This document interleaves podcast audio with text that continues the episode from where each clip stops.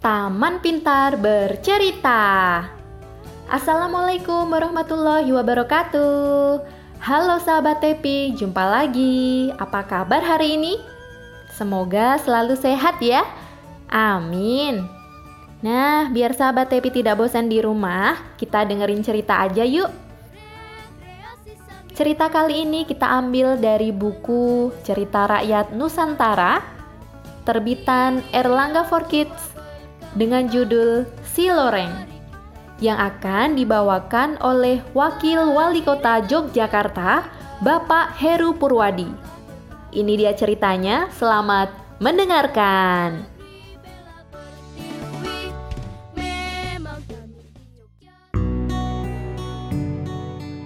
Pada zaman dahulu kala, ada sepasang suami istri yang hidup dengan tentram dan bahagia di daerah Tasikmalaya, Jawa Barat.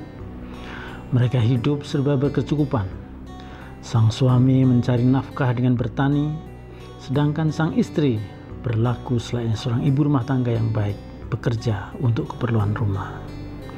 Pada suatu hari, mereka berdua pergi ke hutan untuk mencari kayu bakar. Di hutan, sang istri tiba-tiba melihat sesuatu yang bergerak-gerak dari balik pepohonan. Karena penasaran, akhirnya dia menghampiri pohon tersebut. Betapa terkejutnya sang istri petani itu ketika dia melihat seekor anak harimau yang sedang mengibas-ibaskan ekornya.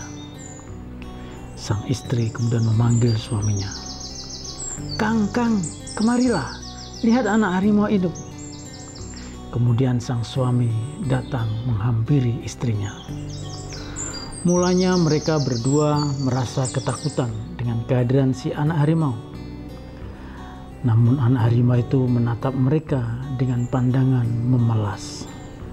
Setelah diselidiki, ternyata anak harimau tersebut telah ditinggal mati oleh induknya. Suami istri petani itu jatuh iba. Akhirnya mereka memutuskan untuk merawat si anak harimau tersebut. Sang petani bertanya pada istrinya, "Kita beri nama apa harimau ini?" Bagaimana kalau kita beri nama Loreng? Tanya sang petani. Sang istri pun mengangguk tanda setuju. Anak harimau itu akhirnya diberi nama si Loreng karena bulunya yang loreng-loreng berwarna hitam dan kuning keemasan. Si Loreng dipelihara dengan baik oleh suami istri petani tersebut.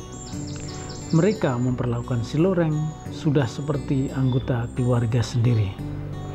Semakin lama si loreng tumbuh semakin besar. Dia menjadi seekor harimau yang gagah, pemberani, tangkas, dan selalu menurut pada perintah sepasang suami istri tersebut. Suami istri petani itu semakin menyayangi si loreng. Apalagi pasangan suami istri tersebut sudah lama sekali belum dikaruniai seorang anak. Sehingga mereka mencurahkan seluruh kasih sayangnya pada si loreng. Setelah bertahun-tahun menanti datangnya sang buah hati, istri petani itu akhirnya dikabarkan mengandung. Kebahagiaan mereka bertambah ketika bayi mereka akhirnya lahir. Tuhan ternyata amat sayang dengan kita ya Kang, seru istri petani. Mereka dikaruniai seorang bayi laki-laki yang lucu dan mengemaskan. Si Loreng juga ikut bergembira menyambut kehadiran sang bayi. Tak henti-hentinya si Loreng mengibaskan ekornya yang berwarna loreng-loreng hitam dan kuning keemasan tersebut, tanda kegembiraan. Kini si Loreng mempunyai tugas baru. Dia ditugasi untuk menjaga sang bayi jika sepasang suami istri itu sedang pergi ke sawah. Si loreng itu senantiasa menjaga keselamatan sang bayi dengan baik. Suami istri itu sangat bangga pada si loreng karena dia dapat memegang kepercayaan yang telah mereka berikan.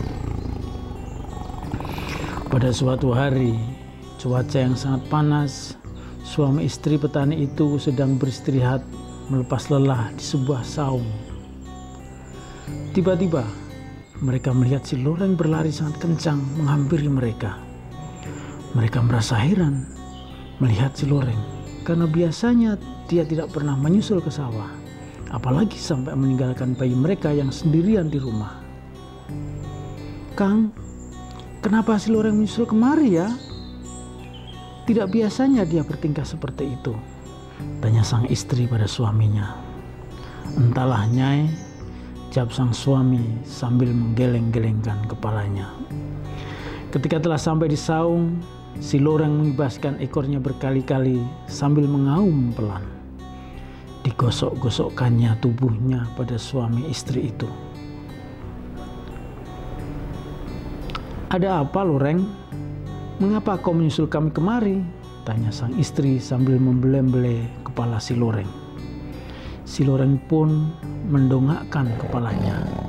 Maka terkejutlah sang istri petani itu ketika dilihatnya mulut si Loren berlumuran darah segar. Kakak, lihat mulut si Loren berlumuran darah, jerit sang istri dengan ketakutan. Sang suami pun terkejut. Dia langsung teringat akan bayi munggil yang ditinggalkannya bersama si Loreng tadi pagi sebelum mereka berangkat ke sawah. Tiba-tiba kemarahannya pun langsung meluap. Dasar hewan tak tahu diuntung. Jangan-jangan kau telah memangsa anakku. Betapa teganya kau, teriak sang suami.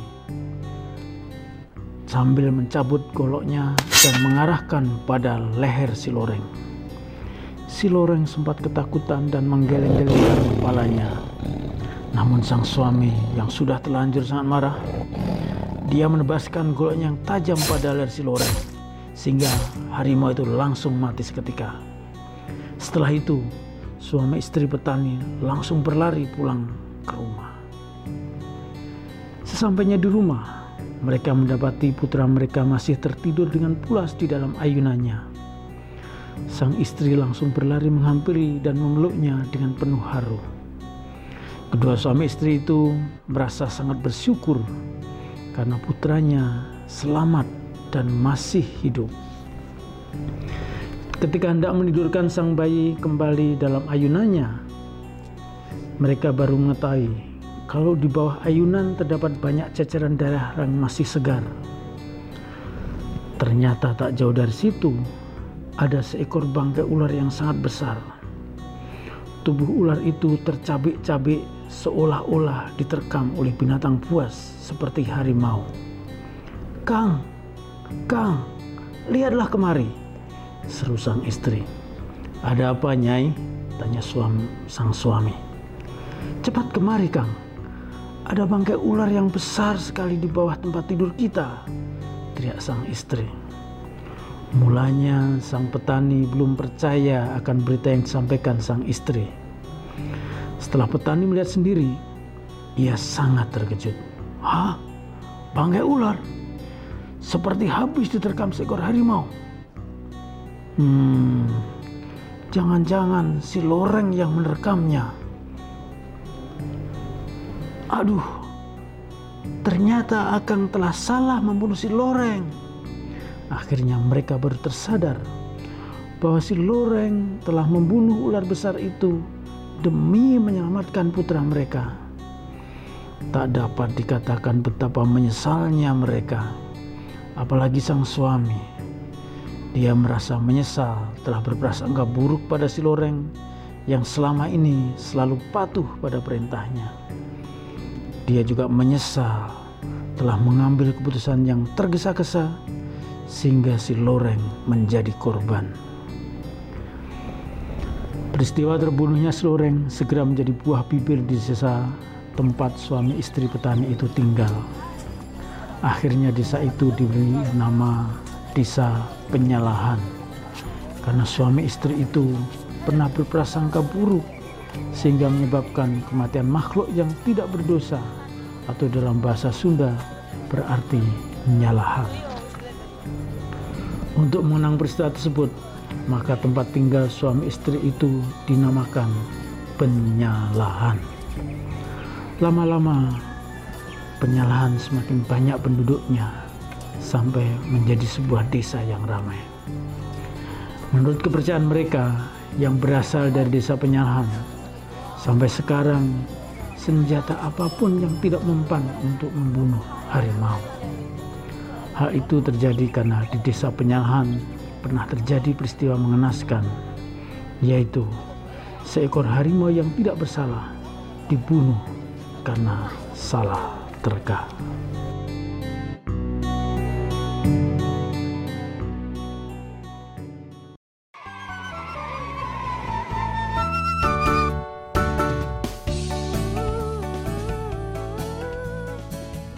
Sahabat Tepi, demikian tadi cerita dengan judul Si Loreng.